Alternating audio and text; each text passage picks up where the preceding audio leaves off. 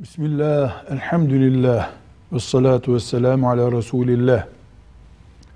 Haremlik ve selamlık bir anlamı çağrıştırmak için kullanılan bir ifadedir.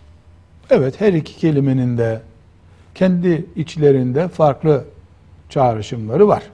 Ama haremlik selamlık bir uygulamanın adıdır. Haremlik selamlık uygulaması karma oturuma karşı kullanılan kavramdır. Bu karma oturum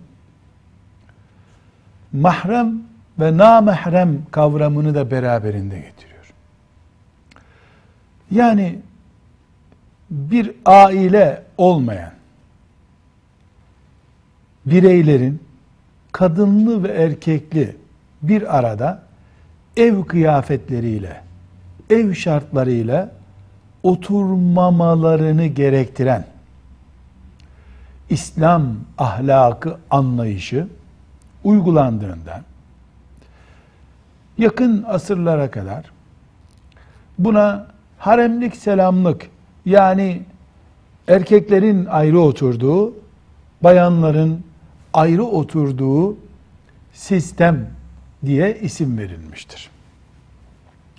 Kimler bir arada durabilir, kimler de bir arada durmamalıdırlar. Ya da haremlik ve selamlık hangi dairenin, hangi sınırların çizildiği kavramı ifade etmektedir. Ölçümüz şudur. İkisinden biri bekar olması halinde evlenmeleri caiz olacak olan bir bayanla bir erkek birbirlerinin namahremidirler. Namahrem demek evlenmelerine bekar olmaları şartıyla evlenmelerine engel yok demektir. Bir insanın evlenmesi hiç mümkün olmayan kimdir? Bir erkeği ölçü alalım. Bir erkek hiçbir şekilde bu dünya hayatında evlenmesi mümkün olmayan kimdir? Annesi. Kız kardeşi veya ablası tabii. Kendi kızı. Bir araya geldiği hanımının annesi yani kaynanası. Halası, teyzesi ve yeğenleri. Bunlarla hiçbir şekilde bir araya gelip evlenmek mümkün değildir. Yeniden ölüp yeniden yaratılmak lazım. Yeni bir insan olarak yaratılmak lazım.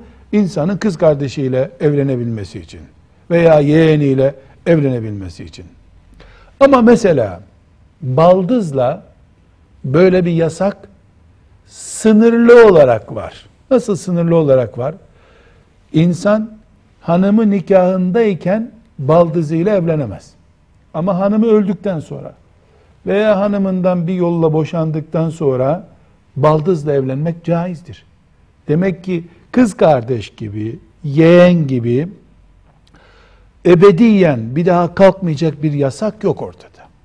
İşte dinimiz bu ebedi olarak evlenmesi mümkün olmayanların dışında kalanlarla halveti yani kapalı bir ortamda tek başına kalmayı kesinlikle haram etmiştir.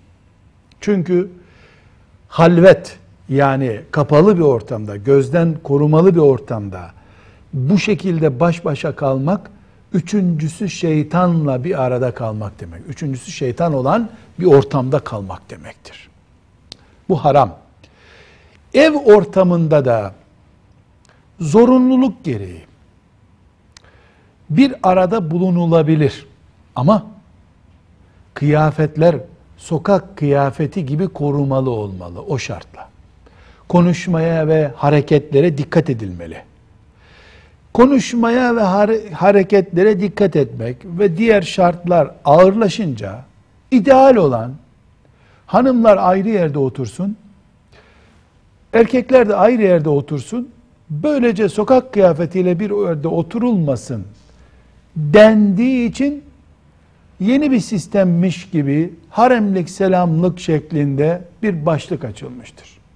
Evet Kur'an'da haremlik selamlık, hadisi şerifte haremlik selamlık diye bir kavram yoktur.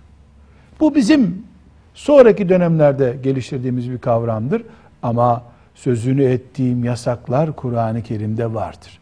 Adına haremlik selamlık demeyelim, başka bir isim koyalım. Yeter ki Allah'ın emri yerine gelsin.